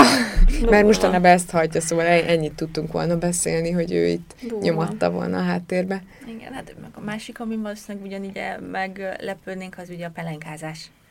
Tehát, hogy abba a pójából azért nem szedték ki minden órában a gyereket, jó esetben nap végén, így ki szedték, ami volt, és kicserélték tiszta rongyukra, azt mondjuk összekoszolt, vagy volt egy B verzió, hogy mondjuk az alsó felét azt kihagyták egy idő után, és a láb, vagy egy a popóját azt így hagyták kilogni ebből a izéből, és akkor így a, a nem tudom, bölcsőbe, ahol volt mondjuk, mert azért nem akasztották mindenhol, tehát volt a bölcső is azért is egy évezredes találmány, ott alá meg rongyokat, vagy fűcsomókat, vagy ilyen gyapjúcsomókat raktak, és akkor hagyták, hogy oda pottyancson. Tehát azért, ami pelenka van, vagy amit ma is még a moshatók is, azért ez egy akkora fejlemény ahhoz képest, hogy év ezredekig, tízezredekig, százezredekig tartották a csecsemőket. Hát egyáltalán már anyáink korához képest Igen, is a mosható pelenka az... Hát én... a textil pelenka, mint olyan, ahhoz képest Igen. a mosható pelenka is egy Igen. luxus, vagy legalábbis, hogy én láttam. Én amikor, amikor most mondtam anyukámnak, hogy mosható pelenkát ö, fogunk használni a zsombinál, akkor így miért akarom ezt magamnak? Miért akarom ezt magamnak? Mert hogy ő, ő annyira emlékszik rá, hogy ezt a tetra pelenkát, ezt így csavargatta körénk, uh-huh. És akkor mondtam még, hogy hát azért most már a mosható pelenk az egy teljesen más Hát ez dolog. lényegében egy ilyen, egy bugyi, nem? Amiben van igen, egy igen, igen, egy ilyen tök aranyos kis mintás, és akkor igazából ugyanúgy be lehet dobni a mosógépbe, egy kicsit jobban oda kell figyelni, hogy mivel mossa az ember, uh-huh. de hogy tök egyszerű. Nem, mert nekem meg a textil pelenka van előttem, vagy hát amiből uh-huh. így... A tetra, igen. Az a, az a tetra, Amit most az ilyen büfifogónak használunk. Igen, igen, igen, igen, igen, igen, és egyébként tehát egyéb maga, ami önmagában annak a megjelenés egy nagy fejlemény volt, tehát amikor megjelent, nem tudom, az 1600-as, 700-as években például a kendervászon, a lembászon, ami volt olyan olcsó, hogy tényleg a legegyszerűbb asszony is meg tudta engedni magának, hogy mondjuk vegyen abból pár darabot és háromszögre hajtogatja, és akkor ebben a le- nagyon nagy vívmány egyébként, ami a nőknek jött, ez a biztos tű megjelenése volt. Igen, valami, az is valami 1843, nem akarok butaságot mondani, de valahol a 1840-es években találták fel, és akkor jelentek meg a nevelési tanácsadók, hogy hogy hajtogassa az anya, hogy valahogy az ott rajta maradjon. Tehát az előtt oda csomózni, meg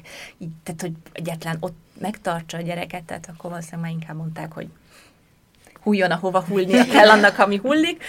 De, és egy, éppen ezért is volt ugye minél na, nagy prioritás, hogy a gyerek minél előbb szobatiszta legyen. Mm-hmm. Tehát azért mondjuk falun vidéken inkább ki a természetbe, városba ki az udvarra, meg minél előbb bilire szoktatni, de és még ez 1800-es évben volt, tehát már három hónaposan javasolták anyáknak, hogy ha kell naponta 12 szer, de tartsa oda egy labor fölé, tehát ma már ugye nincsen, hogy három hónapos gyerekeket, vagy legalábbis nem tudom, azt hiszem, ma már későbbi a, ez a bilire szoktatós. Hát van most megint van egy most ilyen új, a... új uh, dolog, hogy, hogy egészen új szülött kortól van uh-huh. egy ilyen kis Billy vagy Baba WC, nem is tudom, és akkor ahányszor, tehát hogy ha már látja az anyuka, hogy nem kakilnia kell, vagy, vagy talán a pisilésnél is nem tudom. Igen, valamilyen Igen. hangot ad ki a, a, a gyermek, vagy van valami reflex, amit meg lehet figyelni a, az egészen pici babáknak az arcán, és akkor... Akkor így, oda kell tartani És akkor felé. viszik, és akkor oda tartják így a, a mosdó felé. Szóval most is van egy ilyen trend, de egyébként én 86-os születésű vagyok, februárban születtem,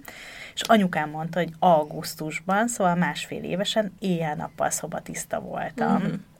Mert akkor is még az volt, hogy minél hamarabb szobatiszta mm, legyen a gyerek. Igen Igen, mert és bizony... ugye vannak elméletek, hogy nem szabad erőltetni, mert hogy akkor a gyerekbe feszül, nem tudom, meg, e- de azért bennem, bennünk van ez már azért egy jó pár tízezer éve, hogy, hogy az embernek is érdeke volt, hogy hát hogy egész, tehát eleve nem voltak valami jók a higiénés állapotok, és akkor most erre még rájönne egy totyogós egyéves gyerek, aki tényleg nem, hanem mindig oda, ahol éppen a sarokba eszébe jut, akkor még is lehetett volna, tehát ez is egy életben maradásunk miatt volt szükséges, hogy legyünk minél hamarabb szobatisztek. Tehát valahol ez is bennünk van, mint ahogy az is, hogy minél hagyjuk tovább a gyereket nyugodtan. Tehát ezt, ezt, ezt minden anya valószínűleg maga jóban érzi, hogy mi az, amire szüksége van a gyerekének. Mondjuk az biztos, hogy a gyerek is így jobban ösztönözve volt, hogy mm. minél hamarabb szoba tisztuljon, mert azért egy ilyen tetra, pelus, a popsin, nem tudom, órákon keresztül az nem annyira komfortos, mint mondjuk hát, a mostani pelenkák. A mosató pelenkáról is ezt mondják, hogy azok a gyerekek, akik mosató pelenkát használnak, azok hamarabb,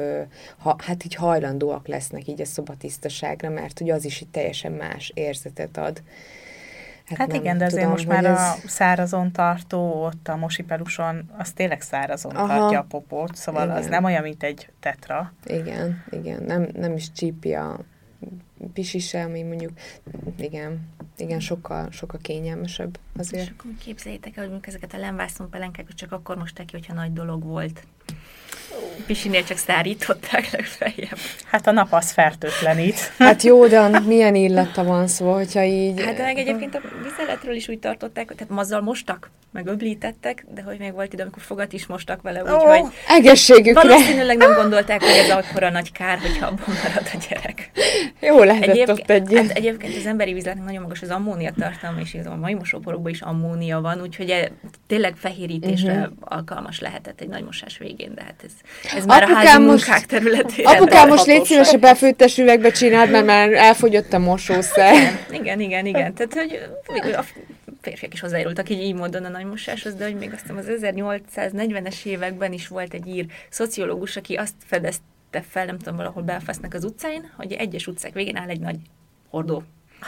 És nagymosás napján minden, ott összegyűjtötte az utca népe azt, ami ott van termelőt, és nagymosás Jaj. napján mindenki vihetett belőle egy korsóval. Az. Miket tudsz? Hát ö, szerintem amúgy tényleg e, ezután az adás után... Ezt összet, fel kell dolgozni. Összetehetjük a két kezünket, hogy tényleg nem a régi korokban ö, kellett megtermékenyülnünk, ö, gyereket szülnünk, és gyereket nevelnünk, mert ö, Hát azért most már sokkal egyszerűbb, meg hát a férfiak felfogása is szerintem azért nagy, nagy százalékban hát, rengeteget változott, hála az Istennek, úgyhogy Úgyhogy most azért ahhoz képest el vagyunk kényeztetve, azt, azt Igen. lehet mondani. Föl van írva a babakocsi. Még arról meséljél, a babakocsikról. A babakocsikról. Igen. Fú, azt hiszem, egy Kent hercege fedezte fel valamikor az 1700-as évek vége felé, az még nagyon cuki volt, a saját gyerekeinek készítettek hagylóformájú is pónik húzták. Él, élő pónilovak. Élő pónilovakkal és tehát maga a babakocsi ez egy nagyon viszonylag új, új találmány, még ha jól emlékszem, akkor kezdett el népszerű lenni, amikor Viktória királynő rendelt egy pár darabot egy angol, az angol hitcsingáruháztól, és a, akkor az után kezdődött el mindenféle fajtájában, formájában, fazonjában, kisnapernővel, fékezővel, nem tudom, mindennel így, így felszerelve elterjedni, de, de az is érdekes, hogy azért azt gondolom, ti, mint anyukák, tehát a babakocsival közlekedni, annyira alap, vagy tehát, hogy így, így kell a mobilitásotokhoz, és hogy így ez is igazából egy ilyen, ilyen 100-120-130 éve van belünk olyan, hogy babakocsi előtte lehetett vinni hordozókendőben, ami egyébként teljesen máshogy is nézett ki, tehát ott ez is érdekes, hogy például nem elől hordoztak a nők, hanem háton, mert elől ugye kellett tehát munkához kötötték legfeljebb munkra gyerekeket, vagy valamilyen kosárszerűségbe rakták, és hogy például um, a Máriának, meg Jézusnak az ábrázolásain lehet látni egyedül olyat, hogy elől van, uh-huh. ami egyébként Máriának az ilyen um, hogy mondjam, dignitását, vagy méltóságát fejezi ki, hogy ő neki nem kellett dolgoznia, mert hogy ugye uh-huh. tehát nem is látjuk soha dolgozni, tehát hogy ez így is ugye nemesi, vagy ilyen méltóságos volt, tehát fejezte ki, hogy ő elől hordoz, vagy hogy elől van rajta a kendő, tehát hogy ez is, ez is nagyon érdekes, hogy van ilyen kép is az interneten, hogy hát a hordozás az egy ilyen újkori hóbort, és akkor ott van ilyen afrikai nő, akinek a hátára van kötve egy gyerekkel, meg aztán egy nem tudom melyik korból szintén egy ilyen. És most olvastam egy egy regényt, és hogy abban olvastam, hogy a, a, akik ilyen szőlő meg borászattal foglalkoztak, és mentek szüretelni a nők, hogy volt ez a kosaruk, amiben a Igen. szőlőt gyűjtötték. Nem tudom pontosan mi a neve, le volt írva pedig, hogy azt nagyon sokszor használták hordozásra, hogy beletették a gyereket, Igen. és hogy amikor nem volt szüret, akkor abba hordozták a gyerekeket. Ezek olyan érdekesek, hogy, hogy azért a történelemben végig lehet látni a hordozásnak így a, a, a jelét, Uh, és Igen, hogy mégis... Csak hát ez egy szükségszerűség uh-huh. volt igazából, meg, meg tényleg ezért, tehát hogy, tehát, hogy ma már ezért nem látsz mondjuk olyan nőket, aki hátul hordoz nagyon, tehát ha jól tudom, ez egy ilyen elő. Hát egy bizonyos... Egy bizonyos kor után? Korsúly. Aha, igen. És után. akkor utána azért nagyon-nagyon megterhelő elől hordozni, mert hogy a gerincedet annyira megterheli, hogy derékfájdalom, akár ilyen végleges, igen. nem tudom, gerinctorzulás is lehetséges, úgyhogy egy bizonyos súly után már a hátunkon hordozunk. Csak ma már szerintem sokan nem értik, hogy miért akarna egy anyuka hordozni, uh-huh. mikor ott a babakocsi, amiből már annyira szupereket lehet kapni, hogy, hogy ez egy tök jó dolog, és és hogy nem értik, hogy miért akarod magadra kötni a gyereket, hiszen nem vagy rákényszerítve sok esetben, pedig ez egy, én még mindig előhordozok, a Timi most mindjárt jól le fog szidni, mert nem szívlak le, kilenc csak hónapos, hallod a gondolataimat. Kilenc hónapos a zsombi, és már nagyon nem kellene előhordoznom, de hogy én, én nagyon nehezen szakadok el az előhordozástól, mert hogy ez egy, ez egy ilyen kötődési dolog uh-huh. is, hogy, hogy annyira jó, hogy ott elalszik, látod, hallod a szuszogását, és hát hátul meg már nem vagy vele annyira ennyire ilyen kapcsolatban, de gondolom, hogy ha hátra kerül, akkor még egy teljesen más. Dolog. De egyébként, hogyha valami tanulság ebből az egész történetből, hogy mit mondtak annó, férfiak, orvosok, filozófusok, nőkről, terhességről, gyerekszülésről, stb. valamit le lehet szűrni, az akkor ez igazából az az, hogy minden nőt hagyni kell visszatalálni ahhoz, ami neki ösztönösen jó, uh-huh. és mhm. erre nincs szabály. Tehát ugye, hogy ez, tehát akkor most mondani, hogy ő miért hordoz, ő miért babakocsi, ő miért szoptat, ő miért comisüveg, ő miért tápszer, nem tudom. Tehát, hogy igazából azzal van baj, amikor valaki meg akarja mondani, hogy hogy kéne és akkor ebből lesz egy ilyen nagy, vagy legalábbis én, amit látok magam körül, tehát hogy abból lesz egy baromi nagy nyomás, mm. és akkor Igen. 600 félét hallasz, és akkor egyiknek se felesz meg, és a végén te érzed, tehát hogy valahol ide belülre vissza, és meghallani, hogy jó, hát nekem most kell a két kezem, most azért ide teszem, most oda teszem, tehát hogy valami, ami ösztönösen jön, és akkor így ez a női, nem tudom, nőiségnek ez az autentikus megélés, amikor leszedjük róla ezt az összes elméletet, mázat, de így tényleg a mégtől a szoptatásig, hogy oda visszatalálni, szerintem valahol ez lenne így a cél, vagy ez lenne így a, a nem is tudom, a tanulság, vagy ami, ami jó irányba mehetünk így abból, ami volt mondjuk. Igen. Van egy cikkünk egyébként az évamagazin.hu-n, ezt majd berenkeljük a csoportba, mert most nem akarom az összes pontot még átfutni, de egyébként nagyon érdekes dolgok vannak ott is, hogy például, hogyha nem aludt a gyerek, akkor elverték, hogy aludjon, vagy hogyha hogy az újszülöttnek már tojást adtak, mert hogy így nem volt az, hogy hozzátáplás, meg bármilyen, de ezt, ö, ezt majd nézzétek meg a cikket, mert baromira érdekes az is. Ö, én még azt szeretném, hogy a bölcsikről és az ovikról mesélj nekünk egy kicsit. Um, hát ez egy új találmány, meg nem is.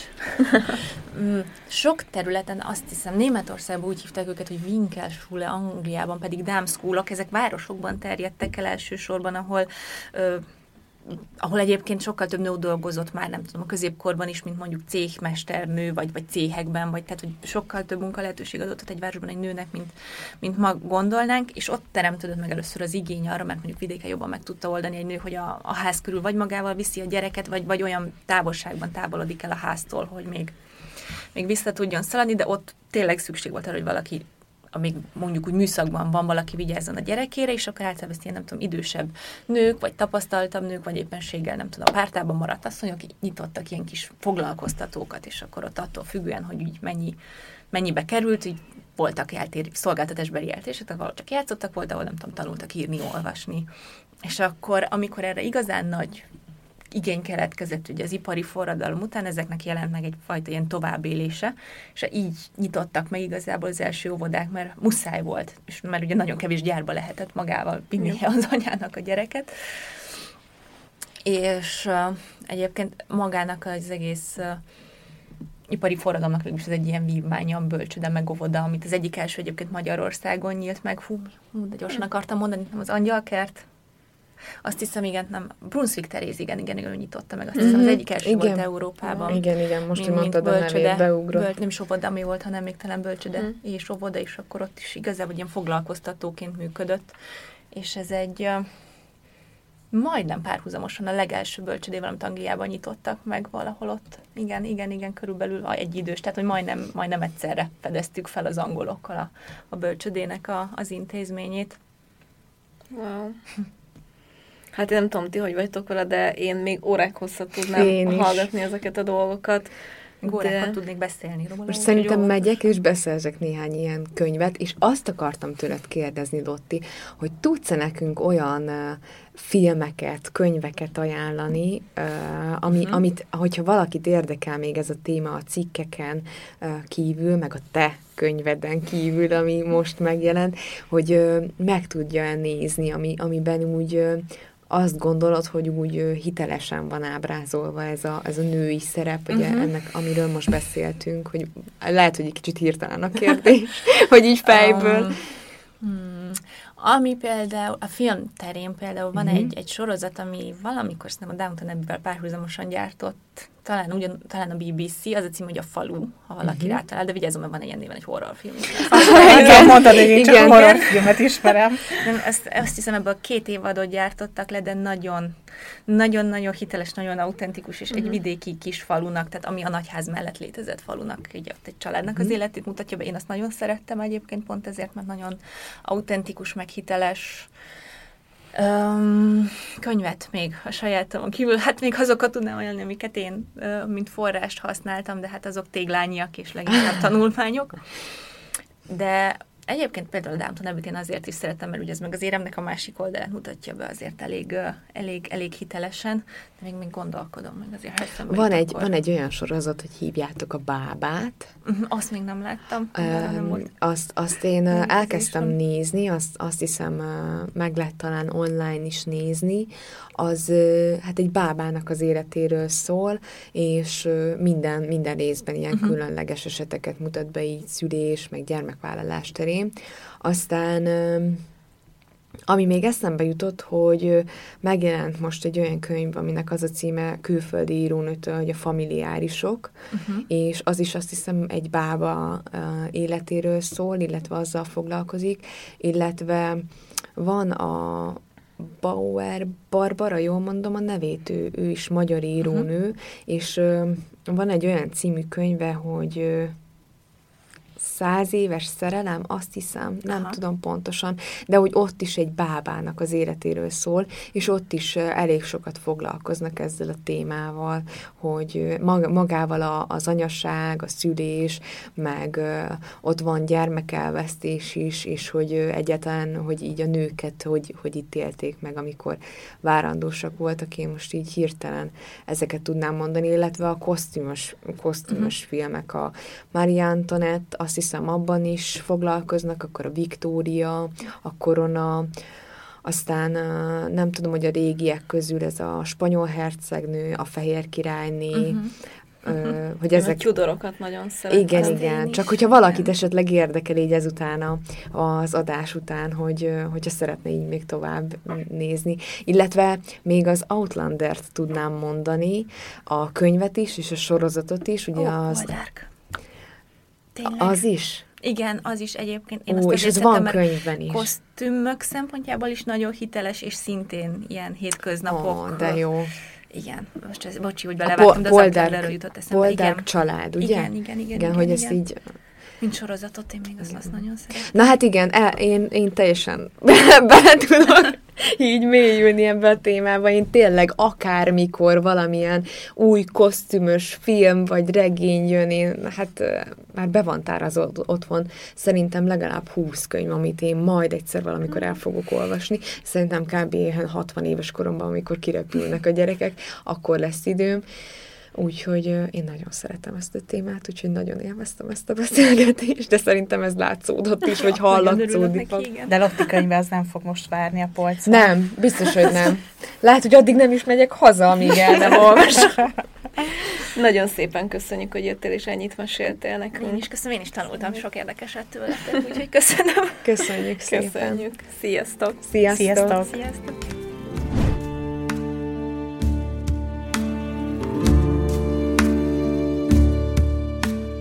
Ha hozzászólnátok a témához, kérdeznétek, vagy csak úgy írnátok nekünk, megteltitek az infokukac évamagazin.hu e-mail címen. De megtalálhatóak vagyunk Instagramon, Mesélj Anyukám néven, valamint érdemes csatlakozni a zárt Facebook csoportunkhoz is, amit Mesélj Anyukám néven találhattok meg. Ott ugyanis velünk, a műsorvezetőkkel, a vendégeinkkel, de akár egymással, a többi hallgatóval is beszélgethettek az adott adás témájáról, kérdezhettek, ajánlhattok témákat, elmondhatjátok a véleményeiteket. Ha tetszett a mai epizód, kérjük értékeljétek, vagy osszátok meg, meséljétek el másoknak is, hogy minden hétfőn új adással folytatódik a Mesélyanyukám. Sziasztok! A műsor a Béton partnere.